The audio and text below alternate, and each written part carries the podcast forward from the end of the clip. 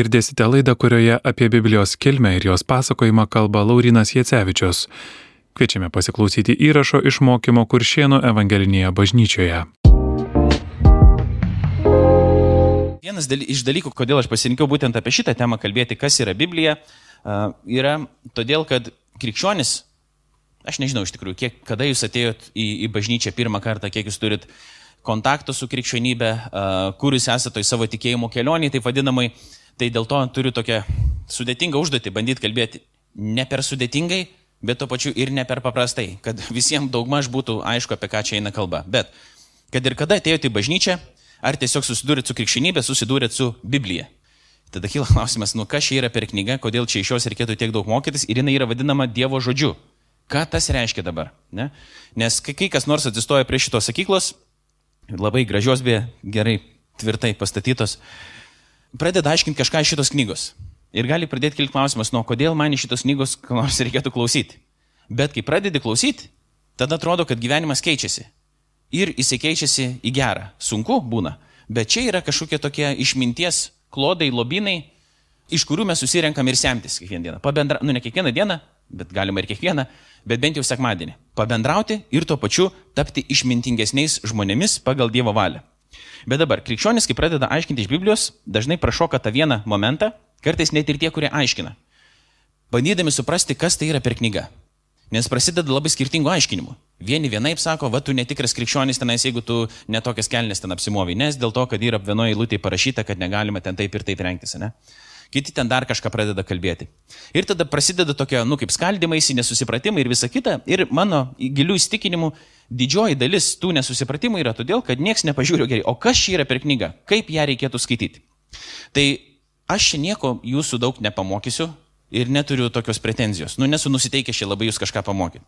Aš bandau suprasti, ką Dievas mums yra palikęs savo žodį, bandyti suprasti ir jį, ir to pačiu, kas yra jame parašyta, ir tai taikyti savo gyvenime, ir tuo pačiu, va šiandien su jumis kartu pasidalinti ir tikėtis, kad tai bus naudinga.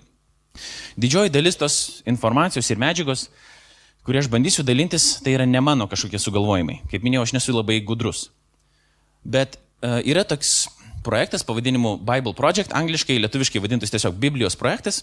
Uh, amerikiečiai susibūrė, pradžioje galvo, kaip čia reikėtų mums papasakoti kitiems žmonėms pasauliui Bibliją kažkaip suprantamai ir paprastai. Jie nusprendė, kad vienas iš tų paprasčiausių būdų yra per vaizdinę formą nu, dažnai mes žiūrėdami kažką geriau suprantam, negu tik tais girdėdami. Arba bent jau tai mums padeda. Ir jie pradėjo kurti animacinius filmukus apie Bibliją, apie Biblijos žodžius atskirus, apie Biblijos knygas, apie visą kitą, bet tie filmukai, jie nėra vaikams skirti. Nes Biblija nėra vaikų knyga. Aišku, jinai skirta yra absoliučiai visiems, bet jinai nėra vaikiška knygelė kažkokia. Ne? Čia yra literatūros, tokia pasakyti, rinkinys formavęs visą vakarų pasaulį. Nu, mes gyvename vakarų pasaulis, yra formavęs mūsų visuomenę. Ir tai reiškia, kad tai yra rimta literatūra gili, bet ją nėra būtinai taip labai lengva suprasti. Kiekvienas skaitydamas gali suprasti apie Jėzų, apie tai, ką jisai padarė, koks jisai yra, kad jisai numirė, kad jisai prisikėlė. Tokie dalykai aiškus gali būti kiekvienam, kuris moka skaityti ir kuris moka klausyti. Ne? Bet yra tokių dalykų, kurie atrodo yra pakankamai sudėtingi. Tai kaip mums suprasti ir nenuklysti kažkur į kairę arba į dešinę.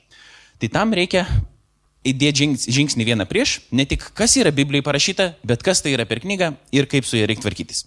Tai va, Tai aš remsiuosi to Bible Project, Biblijos projekto filmukais porą ir kai kurią jų medžiagą tam, kad būtų mums visiems galbūt paprasčiau suprasti, kas čia yra viduj. Tai pirmą, pradėsim nuo tokio filmuko, kelių minučių.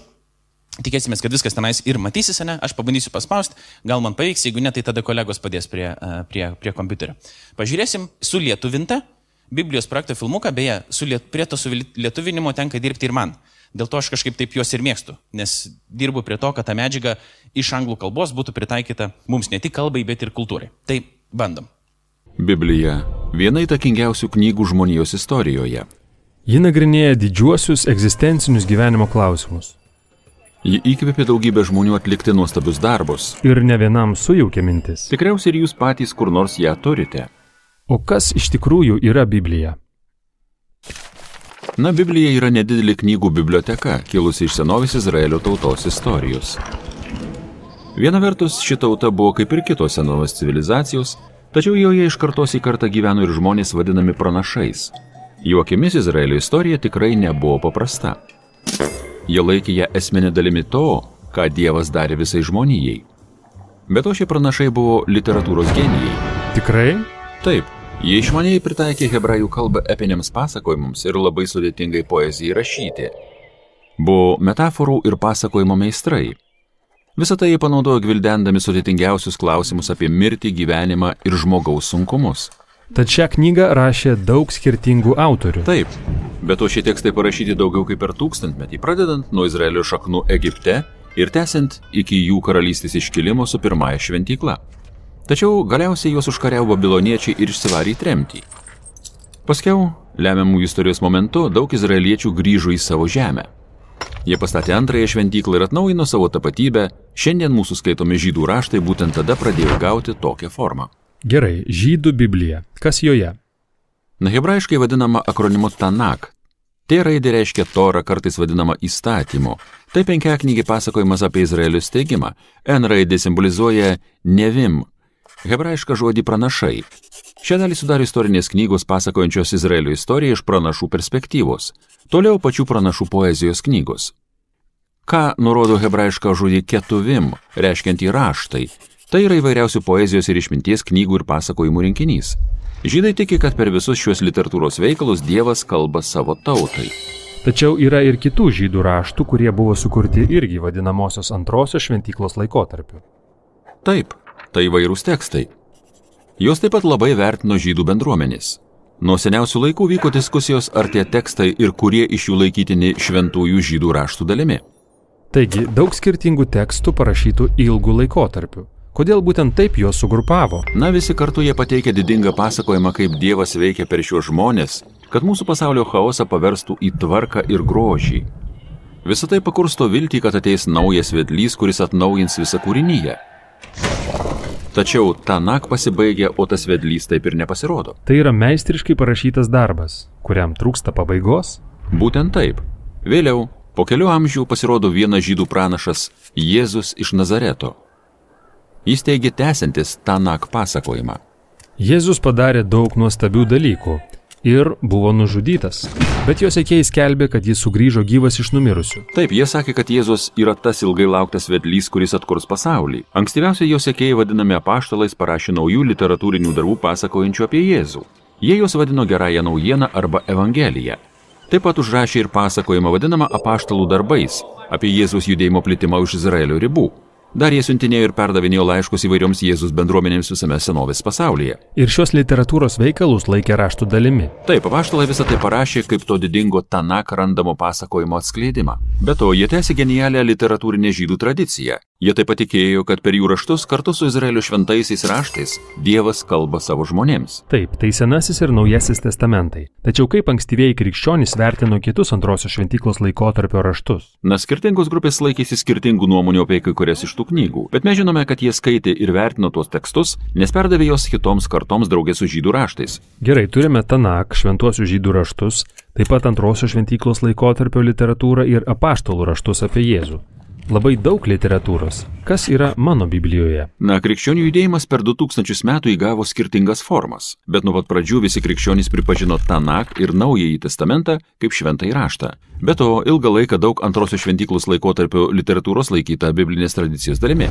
Galiausiai katalikų bažnyčia tai patvirtino oficialiai ir kai kurias šio rinkinio knygas pavadino deuterokanoninėmis arba antrojo kanono knygomis. Kai kurios ortodoksų bažnyčios priėmė dar daugiau knygų iš antrosios šventyklos laikotarpio literatūros, o XVI amžiuje reformacijos metu ir krikščionys protestantai norėjo sugrįžti prie tų pačių seniausių pranašų ir paštalų raštų, todėl pripažino tik Senąjį ir Naująjį testamentus. Gerai, manau, kad supratau. Bet kaip toks knygų rinkinys parašytas per tūkstantį metų daugelio skirtingų autorių gali pasakoti vieną darnį istoriją? Šį klausimą gvildensime jau kitame filmuke. Nežinau, ar kas nors paaiškėjo, bet galbūt. Po truputį. Dedam žingsnius ir um, žiūrim, ar kažkas mums bus aiškiau. Aš pabandysiu dabar kažkiek paaiškinti tai, ką jūs čia dabar matėt ir tikiuosi, kad net nesusisuks galvos, o bent jau kažkiek busim geriau visi susipažinę su uh, Biblija po šiandienos ryto. Tai pirmas dalykas, ką reikia turėti omenyje, yra tai, kad Biblija nėra viena knyga. Nors yra sudėta po vienu viršeliu, ne visą laiką taip atrodė knygos. Pirmiausia, kai šventieji raštai buvo Izraelyje skaitomi, tai jie buvo skaitomi rytinių forma, susukti. Taip. Kai Jėzus, pavyzdžiui, sakė, skaitė iš rašto, jis neskaitė iš knygos, jis skaitė iš rytinio. Bet rytinį labai nepatogu yra skaityti, nu labai sudėtingai, jis daug vietos užima ir galiausiai buvo sugalvota tokia forma didžiąją dalim krikščionių, vadinama kodeksu. Nu, kodeksas yra kaip po vienu viršeliu tiesiog yra surišta. Ne visą laiką taip knygos atrodė, ką aš bandau pasakyti. Tai čia po to vienu viršeliu mes turim uh, 66 knygas, bent jau protestantiškų versijų. Taip, esam, taip čia yra pristatyta, ar ne? Tada katalikai turi Senajam testamentui priskiria dar kelias knygas. Aš po to parodysiu skaidriai, kokios kojos ten skiriasi. Bet absoliučiai visos krikščionių konfesijos priima 66. Niekas neturi mažiau. Pas visus yra lygiai tos pačios, tik dėl kai kurių Senojo testamento knygų buvo diskusijų, dėl to vienos buvo patvirtintos vienose konfesijose, o kitos buvo sakytos, nu, mes vis dėlto laikom, kad tai yra geros istorinės knygos, bet jos nėra įkvėptos Dievo žodis. Nu, galima čia kaip sakyti daugiau, aiškintis, bet 66 knygos priimtos yra visų. 39 Senajam testamente, 27 Naujajam testamente. Kaip dabar suprasti Senąjį Naują testamentą? Naujasis testamentas yra keturios pirmiausia knygos apie Jėzaus gyvenimą, vadinamos Evangelijom. Po to jau, kai prasidėjo krikščionybė, tokia, kai Jėzus pakilo į dangų po savo prisikėlimo, įsteigė bažnyčią, atsiuntė šventąją dvasę, tada bažnyčios pradėjo formuotis ir prasidėdavo tose bažnyčiose, kaip visose bažnyčiose yra šiandien, problemos visokios. Taip, pavyzdžiui, Paštalas Paulius rašo korintiečiams, sako, jūs, jeigu per viešpatės vakarienę pasigeriat ir persivalgot, nu tai pavalgykit namuose. Nes būdavo viešpatės vakarienė švenčiama, bet žmonės, kai kurie ateidavo, nustumdavo tuos, kurie negali prieiti pirmi, patys prisigerdavo ir prisivalgydavo, nes vyno būdavo daug. Po to kitas sako, pas jūs yra problemų, kaip jūs galite save laikyti krikščionim, jeigu kažkas miega su savo tėvo žmona.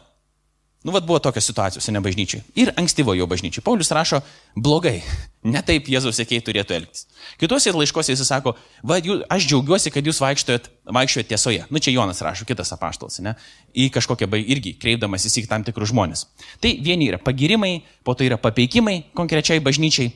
Nu, ir tokie panašus dalykai. Nu, ir galiausiai po tų laiškų yra paskutinė knyga Apokalipsė vadinama, kur ten keistų visokių dalykų atrodytų prirašyta, mūsų akim visokios pabaisos, um, Jėzus ant žirgo su kalaviju iš burnos ateina, bet tai nėra tiesioginė kalba.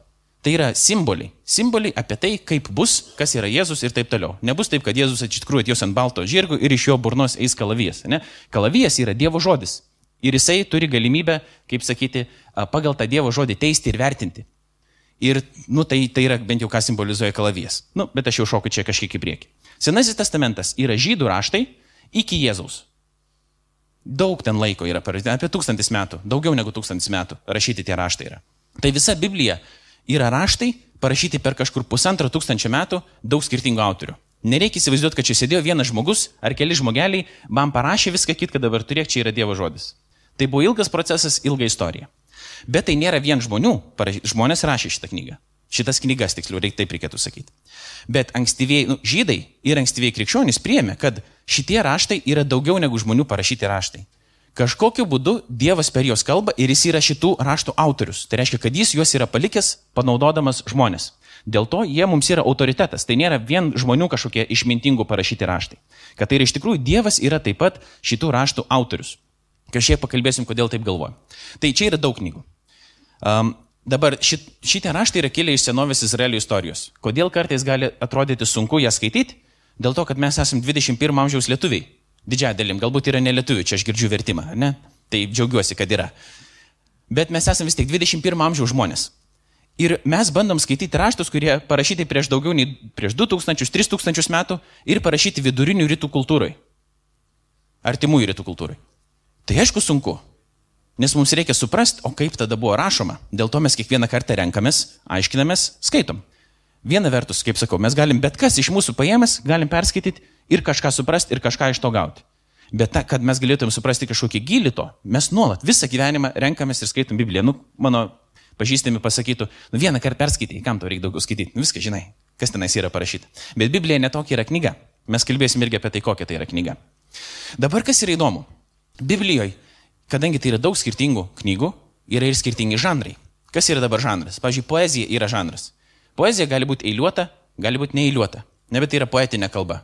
Pavyzdžiui, kai mes skaitom salmėse, kad medžiai plos savo rankomis, arba upės plos savo rankomis, o ne išlovins Dievą, mes suprantam, kad tai yra poetinė kalba ir kad Biblija nesako, kad iš tikrųjų medžiai turi rankas ir jie ploja.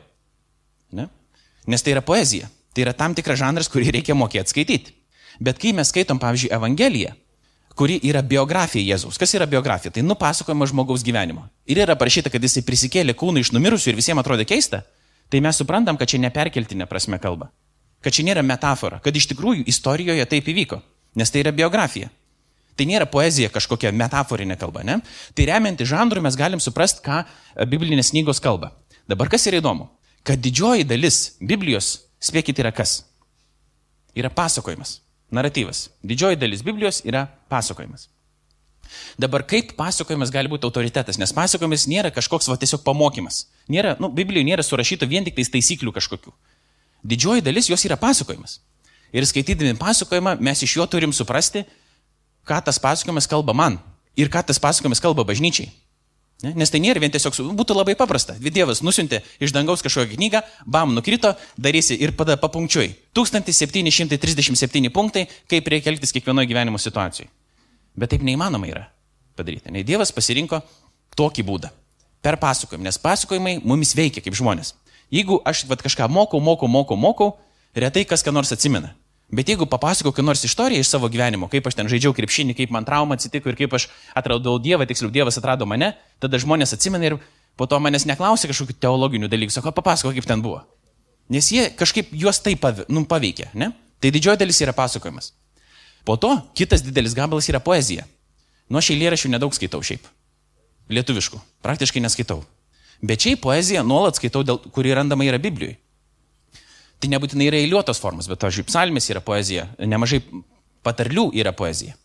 Ir galiausiai jau tas paskutinis gabaliukas, mažiausias iš jų, yra vadinamas diskursu arba proziniu diskursu, tai reiškia tam tikras toks tekstas, kuris yra argumentuotas. Vat yra taip, taip, taip ir taip, jeigu darysi taip ir taip ir taip, bus taip ir taip ir taip, yra tokia ir tokia situacija ir štai kodėl taip nereikėtų elgtis, o taip reikėtų elgtis. Tai čia yra mažiausia dalis Biblijos. Tai laiškai, pavyzdžiui, yra prozinis diskursas.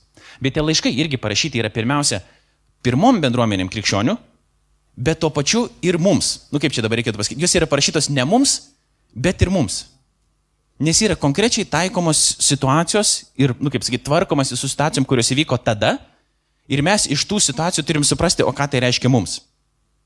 Paskutinis dalykas iš čia yra tai, kad nesvarbu, ką žmogus galvoja apie Bibliją, jis gali būti netikintis, koks tik nori, bet ne, mes negalim išvengti to, kokią įtaką Biblija padarė pasauliui mūsų visa kultūra, Lietuvos kultūra, yra suformuota ir visa apskritai vakarų pasaulio kultūra yra suformuota biblinio mąstymo, judėjų ir krikščionių mąstymo.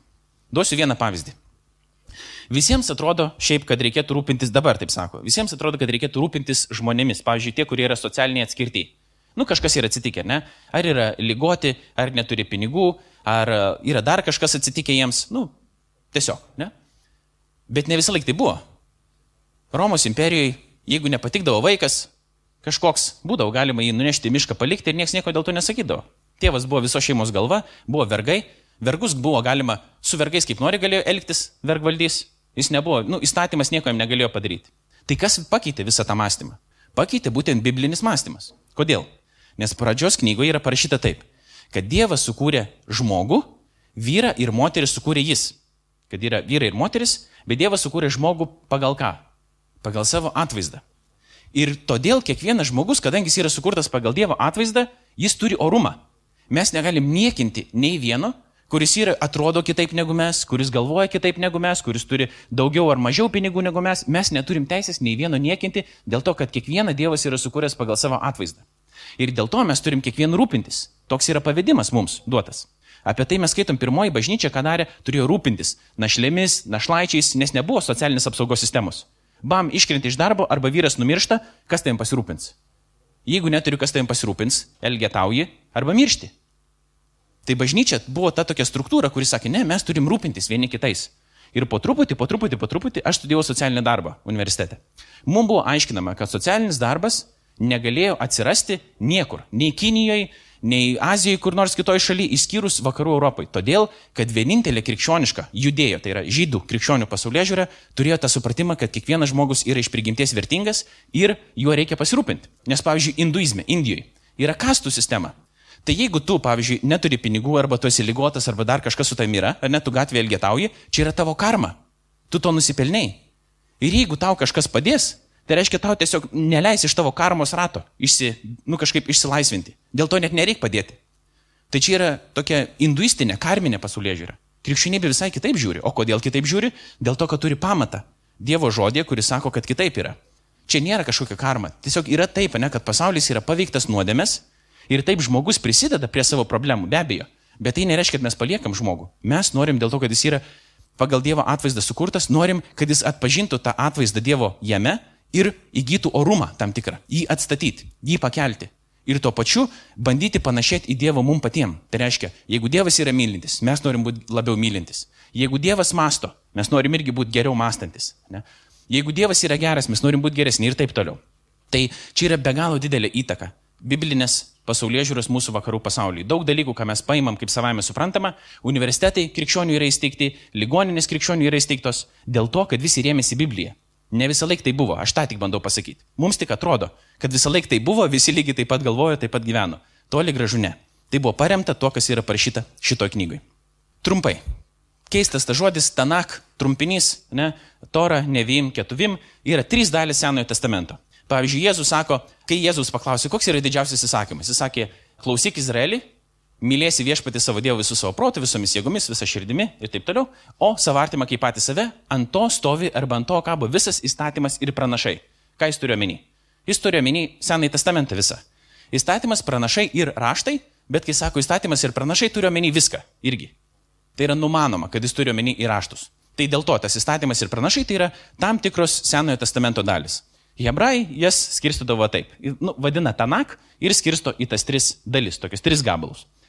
Naujasis testamentas, čia bus angliškai parašyta, bet aš greitai išversiu, gal nebus kažkokios bėdos, yra Evangelijos, keturios, pagal Matą, pagal Morku, pagal Luką ir pagal Joną. Tai yra keturi Jėzaus gyvenimo aprašymai iš skirtingų perspektyvų. Kai kurie dalykai ten persidengia, kai kurie dalykai, pavyzdžiui, vienam, vienoje rasi, kitoje nerasi. Kodėl? Dėl to, kad jeigu mes paimtum keturis žmonės skirtingus, ir mes bandytum vieno žmogaus gyvenimą nupasakoti, mes ne viską lygiai taip pat papasakotumėm. Ne? Tai yra keturios skirtingos perspektyvos į to paties žmogaus gyvenimą. Ir dar buvo vienas, pavyzdžiui, viena evangelija jau buvo išėjusi, anksčiau pasirodžiusi. Kitas rašo, jis sako, ai, jau ten tas yra parašyta, tai man nebereikia to paties rašyti. Aš parašysiu kažką, gal galbūt kas nėra ten parašyta. Toliau yra laiškų. Visa galybė, ne? Laiškai. Pauliaus 13, Petro 2, Jono 3, Jokūbo 1, Judo 1 ir rašomas anoniminis laiškas hebrajams, kartais jį priskiria Pauliaus laiškams irgi paštalo Pauliaus, bet toliau diskutuoja žmonės. Nėra aišku tiksliai, kas parašė laišką hebrajams.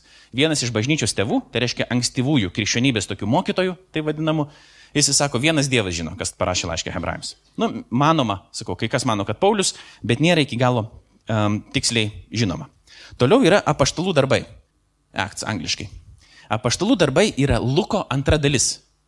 Lukas parašė uh, dvi dalis parašė Jėzus biografiją ir po to parašė kitą dalį arba kitą tomą, tai apaštalų darbus. Tai pavyzdžiui, jeigu skaitot Evangeliją pagal Luką, yra visai neblogai iškart po to skaityti apaštalų darbus, kadangi jie eina kaip ir kartu.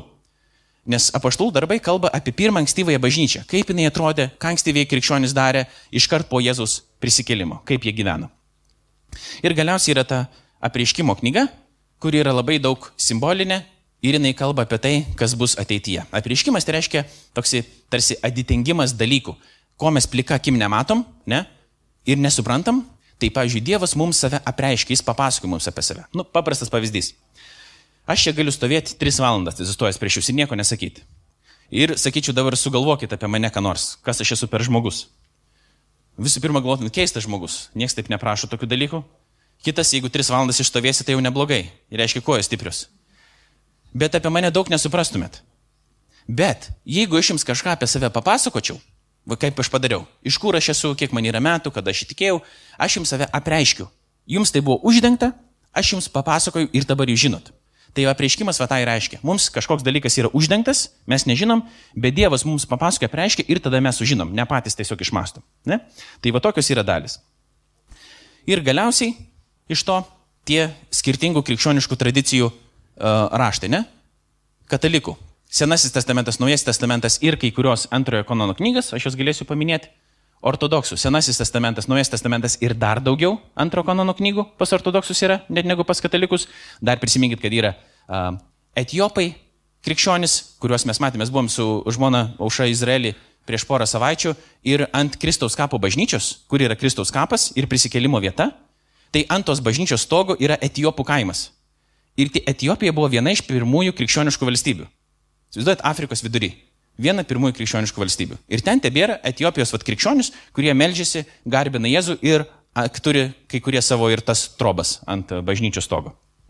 Ir tada yra protestantai, protestantų šaka, kurie sakė, kad mes norim grįžti prie tik tais tų pirmųjų, pirmųjų judėjų raštų, tai priima Senąjį testamentą arba tą torą ir Naująjį testamentą ir skaito tuos uh, antrosios šventyklos raštus, kaip Makabėjų knyga, Topido knyga, bet sako, nu, mes nesam tikri, ar jie yra Dievo įkvėpti ir mes laikomės tik tais tų pačių, pačių, pačių pirmųjų. Ne? Tai va todėl rasit kartais skirtingose Biblijose, tai daugiau, tai mažiau Senojo testamento knygų. Jos būna pavadintos taip irgi. Tada čia daug jau nepasakosiu, čia nėra tikriausiai tikslo, čia yra skirtumai. Jeigu norisi biblija.lt galite atrasti, pamatyti, kokie yra sandaras skirtingų konfesijų Biblijos. Bet, kaip aš dar kartą minėjau, visi turi lygiai tas pačias Senąjį testamentą ir Naująjį testamentą. Absoliučiai visi turi lygiai tas pačias knygas. Nėra taip, kad kažkas kažką būtų išmetęs, šiaip savo norėjęs. Kilo klausimas tiesiog, ar daugiau priimti, ar ne, nes kai kurios knygos judėjai buvo vertinamos, bet buvo klausimas, ar jos yra Dievo įkvėptos ar ne Dievo įkvėptos. Trumpai apie e, biblinį kanoną. Viską aš bandysiu aiškinti, kad tai būtų kuo paprasčiau, nu, pasakom. Kanonas, ką tai reiškia? Kanonas yra pagal tai, pagal ką matuojama. Duosiu dabar jums tokį pasakojimą iš savo gyvenimo, kad būtų lengviau suprasti.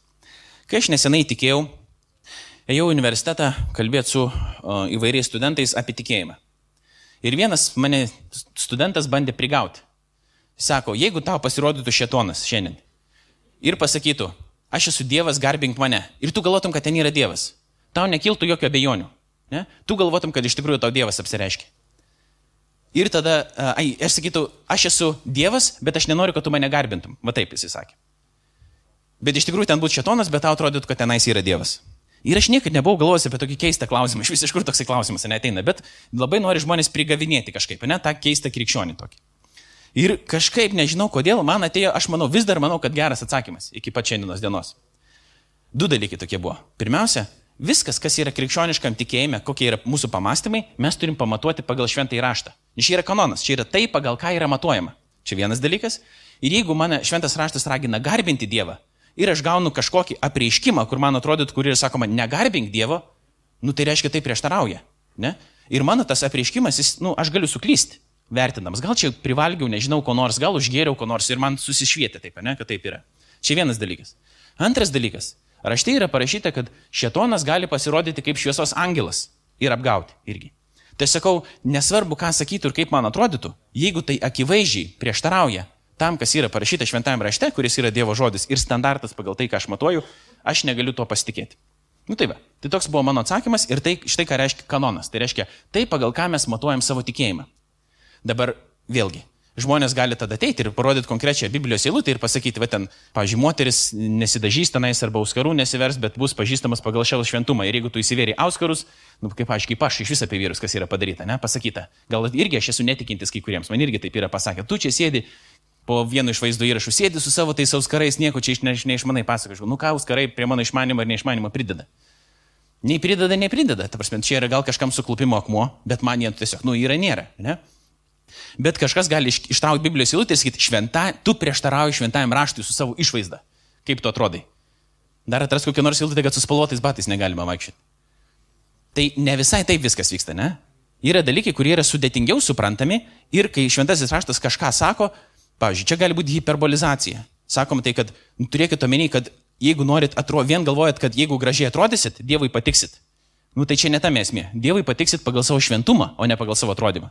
Bet jeigu nori jau atrodyti, nu kaip atrodyti, viskas gerai, mes skirtingi esame. Vienas mėgstinį apsimaus, kitas kitokį apsimaus mėgstinį, kitas su marškiniais vaikščios. Net, net tam esmė visiškai tikėjimo. Net mūsų išorinė išvaizda, ne? Bet jeigu kažkas akivaizdžiai prieštarauja šventajam raštui, tai tada jau yra problema.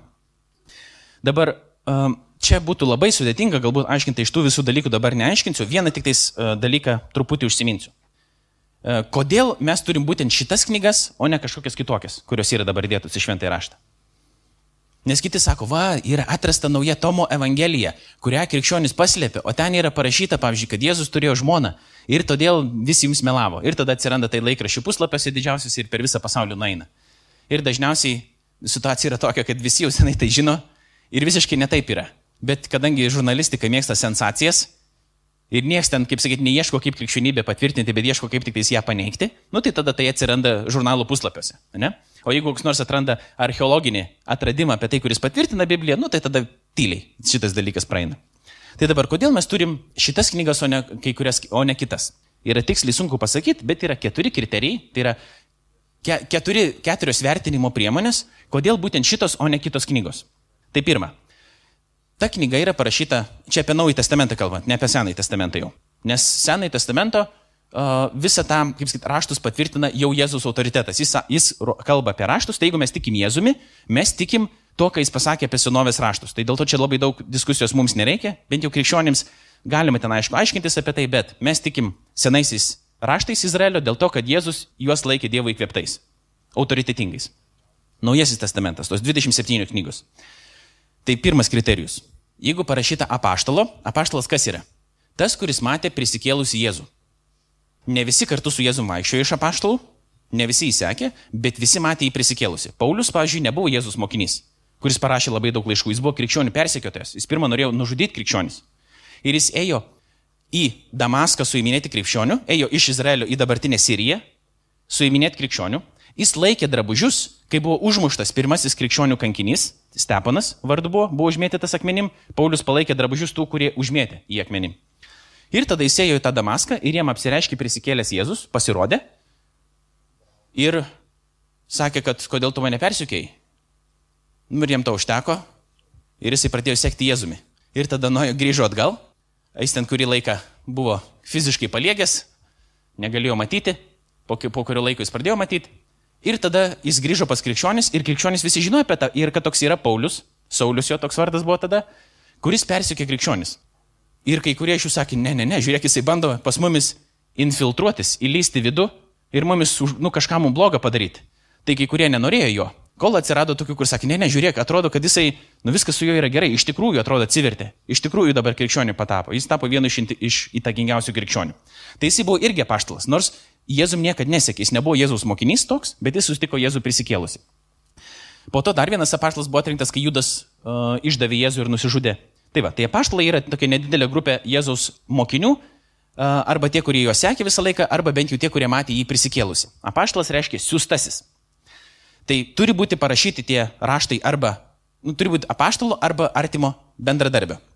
Kitas dalykas - ortodoksija, man antras žodis. Šiandien apie rusų ar Konstantinopolio ortodoksus kalba, ne apie ortodoksiją, reiškia tikras tikėjimas. Tai reiškia, kad e, tie raštai, kuriuos mes turime Biblijoje, turi atitikti tikrą Jėzaus gyvenimą ir mokymą. Jeigu ten pradeda rašyti kažkokias keistenybės, ir dažniausiai tai būna vėlai, pavyzdžiui, antram amžiui jau, prasideda tokios keisti pasakojimai apie Jėzų kad jam, kai buvo 12 metų, jis padarė molinius paukščiukus, į juos įputė gyvybė, tie moliniai paukščiukai nuskrido kažkur. Yra toks pasakojimas vieno iš tų vėlesnių evangelijų. Po to yra toks pasakojimas, kad Jėzus sunervavo toks vienas berniukas, jis jam sudžiovino ranką. Vėliau irgi vėlesnis yra toks pasakojimas. Tai mes suprantam, kad žiūrėkit, tas pasakojimas, kuris yra vėlesnis, tai jau čia yra problema, jisai netitinka to, ką, nu, koks buvo Jėzus ir kas apie jį buvo pasakojama iš pirmųjų lūpų.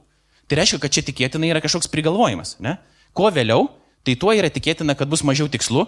Ir jeigu tai nebetitinka, nu, įsivaizduokit, yra šeima, kuri pasakoja apie žmogų kažkokius dalykus. Ne, tada ateina žmogus, kuris galbūt to žmogaus net nepažįsta, internete matėsi ir pradeda visai ką kitą pasakoti. Tai sakysit, nu to žmogaus liūdėjimas jis netikras yra. Nesąmonė. Jis nei pažįsta, nei jis žino. Tai mes pasitikim tais, kurie buvo ankstyvesni, kurie pažįsta, kurie skelbė tiesą apie Jėzų. Kitas dalykas, tie raštai jie turi būti aktualūs bažnyčiai. Tai reiškia, kai tie raštai buvo skaitomi, visų pirma, tai dabar daugelis iš jūsų galit, jeigu ne tai popierinė forma, tai bent jau telefone turėti Bibliją savo. Telefonė Biblija galima turėti, nu kas, kada čia prasidėjo tas reikalas, prieš kokį 15 metų, prieš 10 metų, aš tiksliai net neatsimenu kada. Ne? Bet pirmą Bibliją lietuvių kalba visa pasirodė iš vis tik tais 18 amžiui. 19 atsiprašau amžiui. 19 amžiui, 19 amžiaus vėliau. 20 amžiuje tik tais jau pradėjo plisti tos, tos Biblijos. Po to sovietmetis buvo irgi net krikščioniško tikėjimo toks suspaudimas. Bet Biblija visa į lietuvių kalbą buvo pakankamai vėlai išversta. 16 amžiuje protestantai vertė, nes protestantams vis laik buvo svarbus Dievo žodis, dėl to daugiausiai protestantai užsėmė Biblijos vertimu. Katalikai irgi tą darė, tik tais kiek vėliau ir kiek mažiau. Bet tie leidimai, nu, pirmiausia, Biblija nebuvo išleista, buvo išversta, bet nebuvo išleista. Tai ką aš bandau pasakyti? Kad didžiąją dalį laiko vienintelis būdas, kaip tu galėjai išgirsti šventosius raštus skaitomus, tai yra ateiti susirinkimą, kai tau kas nors juos paskaitys. Nes tu pats negali jų turėti. Praktiškai neįmanoma būdavo. Labai brangu, tų knygų nėra daug, vertimai irgi dar nėra išversti, ne visi moka tas kitas kalbas, tai mes gyvenam tokiu, nu, unikaliu išskirtiniu laiku, kurio negyveno krikščionybė prieš tai. Tai kodėl čia dabar tas aktualumas svarbus? Tai reiškia, kai susirenka bažnyčia, susirenka bendruomenė, kažkas ateina, pasiim, praima tos raštus skaityti, tie raštai turi kalbėti bendruomeniai, turi būti aktualūs, turi kažkaip adresuoti bažnyčios problemas, žmonių savijautą, ryšį su Dievu ir visus kitus dalykus. Ne? Tai tas aktualumas buvo vienas iš tų kitų kriterijų. Ir paskutinis kriterijus buvo tai, kad žmonės atpažino tos nu, raštus, per kuriuos Dievas kalba ir tada tie raštai, kuriuos mes turim čia, jie plačiai paplito. Ir kai kurie ne, nepaplito plačiai, dėl to, kad jų, jų autoritetas nebuvo atpažįstamas. Tai reiškia keturi tokie kriterijai. Apaštalas arba bendradarbis parašė, tikras mokymas apie Jėzų, aktualus bažnyčiai ir tada plačiai paplitęs. Ir va čia tokius raštus mes turim po šitais viršeliais. Vėlgi, trum, trumpas schemutė galbūt padės mums irgi šiek tiek labiau susigaudyti. Šitam pirmam burbuliukė, pačiam centre, yra tos knygos, dėl kurių niekada nebuvo diskusijų. Ar jos yra šventieji raštai, ar jos nėra šventieji raštai. Niekas dėl jų niekada nediskutavo rimtai. Visą laiką jos buvo priimtos. Kur yra geltonasis ratas? Čia jau užsibaigė mūsų naujasis testamentas, bet kai, dėl kai kurių tų knygų vyko šiek tiek diskusijų. Jų nebuvo labai daug, bet kažkiek diskusijų buvo. Turėtų būti, neturėtų būti šitam kanone. Bet galiausiai buvo sutarta, kad ne, vis dėlto tai yra Dievo įkvėpti raštai. Dėl šitų knygų buvo Jie niekada ir nepapuolė į Naująjį Testamentą, ten Barnabo laiškas, Didache, pažiūrėjau, Didache labai įdomus yra dokumentas. Pirmo amžiaus pabaigos arba antro amžiaus pradžios, ten yra, na, vis vadinamas yra paštalų mokymų ir ten yra uh, tokie parašyti labai aiškus konkretus dalykai, taikantis į to pirmo amžiaus situaciją. Pavyzdžiui, kaip atskirti netikrą pranašą. Tai nėra Dievo įkvėptas dokumentas, kai kurie dėl to, sakau, diskutavo, bet Biblijoje yra parašyta, atskirkite netikrus pranašus. Tada Didache, bet ten nėra parašyta, kaip atskirta netikrą pranašą. Iki galo, ne? Kai kokiu turim užuomenų. Didache rašo taip. Jeigu pas jumis atkeliauja pranašas, tas, kuris kelbėsi pranašu, ir pabūna negu, daugiau negu tris dienas, jis yra netikras pranašas. Reiškia, kažko iš jūsų nori. Arba jeigu jis sako jums, uh, padenkit man stalą pirmiausia, tai jis irgi yra netikras pranašas. Nu, turi, kitaip tariant, jeigu siekia savo naudos ir akivaizdžiai matosi, kad savo naudos siekia, jis prisistato pranašu ir, pavyzdžiui, sėdi pas tave tenais, belė, nu, belė kiek laiko nieko nedaro ir tik prašo, kad tu jį maitintum, arba sako, paties man stalą ir nesirūpina kitais, reiškia, jau kažkokia yra problemėlė. Ne? Atrodytų logiški pamastymai. Mes nelaikom jo Dievo įkvėptais, bet Tai yra tai, ką pirmieji krikščionys va, tiesiog tokius raštus įleido, nes sakė, va taip, kaip daug maž reikėtų suprasti. Apie krikštą tenais yra rašoma, kokie krikšto metodai turėtų būti naudojami. Jeigu yra tekantis vanduo parašyta, geriau tekantis vanduo. Jeigu nėra tekančių, tada galima kitaip krikštyti. Nu, va tokie dalykai, ne? Po to, aišku, viduramžiais iškilo klausimai, jeigu iš vis vandens nėra, ar galima krikštyti alumi? Nu, tai ir žmonės sprendė tokius klausimus, ne? Tai va, bet šitos knygos, jos tiesiog, nu, buvo, kaip sakyt, E, kai kurie siūlė, sakė, galbūt tai būtų tie šventieji raštai, bet e, dauguma nu, sakė, kad ne, vis dėlto nieks jų nepripažino, kaip iš tikrųjų tais raštus, per kuriuos kalba Dievas, bet juos galima ir verta paskaityti. Ne? O šitų, vad kai dabar, kurie patenka į televiziją, Marijos Evangelija, Petro Evangelija, ten Egiptiečio Evangelija, kurie sako, va čia nauji dokumentai, kurių niekas nežinojo ir dabar bažnyčia juos atmetė. Neįdėjo, tiksliau, jie buvo Biblijoje, bet po to juos išmetė ir paslėpė, Vatikane kažkur pakišo pagrindim. Niekada taip nebuvo. Krikščionys žinojo šitos raštus, bet jis sako, nu čia yra prigalvojimai kažkokie. Jie yra vėlesni, jie netitinka mūsų tikėjimo iki galo, kažko ten gal galima rasti įdomaus, nu bet jie niekada nebuvo Biblijoje, nieks jų neišmetė. Niekada jie net nebuvo svarstomi, kad jie ten turėtų būti. Dėl to, kad jie netitiko nei vieno kriterijaus. Judam po truputį į pabaigą. Ir paskutinis yra momentas, kad dažnai kažkaip mes įsivaizduojam, kad krikščionių vizija yra tokia, kad uh, mes numirsim ir tada kažkaip tiesiog nueisim į dangų ir viskas baigėsi. Kas yra įdomiausia, kad tai yra tik labai nedidelė dalis to, apie ką kalba šventasis raštas. Nes apie tą tarpinį buvį, kai numirsi ir tavo, nu, kaip tu savo dvasia, savo sielą būsi su Jėzumi Kristumi, apie tai yra pasakyta. Bet tai nėra pabaiga. Pabaiga yra kūno iš numirusių prisikėlimas. Kai Dievas nušluostys kiekvieną ašarą, kai visos lygos bus atstatytos, kai bus žmonės sutaikyti, kai bus taika, kai bus ramybė, kai bus džiaugsmas, visi šitie dalykai bus galiausiai. Ir tai nebus kažkoks ten sėdėjimas tiesiog ant debesies kažkur, bet ta naujoji Jeruzalė, jinai pareina čia, jinai nusileis čia kartu. Ir Paulius sako, man būtų geriau dabar išeiti ir būti su Jėzum jau dabar, bet dar geriau yra va, tai būti naujai kūrinyje kartu su Jėzum. Tai va, į tokią viziją mes esame pašaukti, apie tai kalba šventasis raštas, tokia yra ta Biblija, apie kurią, apie kurią mes kalbam, bet jinai visa veda link Jėzaus, kuris yra miręs už mūsų nuodėmės ir už viso pasaulio nuodėmės, bet tuo pačiu ir prisikėlęs karalius. Ir mes laukiam jo sugrįžimo ir šiandien mums yra duota užduotis gyventi kaip tos karalystės žmonėm, nors mes nematom dar tos karalystės plika akim. Bet mes gyvenam tikėjimu, pasitikėjimu, kad iš tikrųjų Jėzus vis dėlto yra visoko karalius.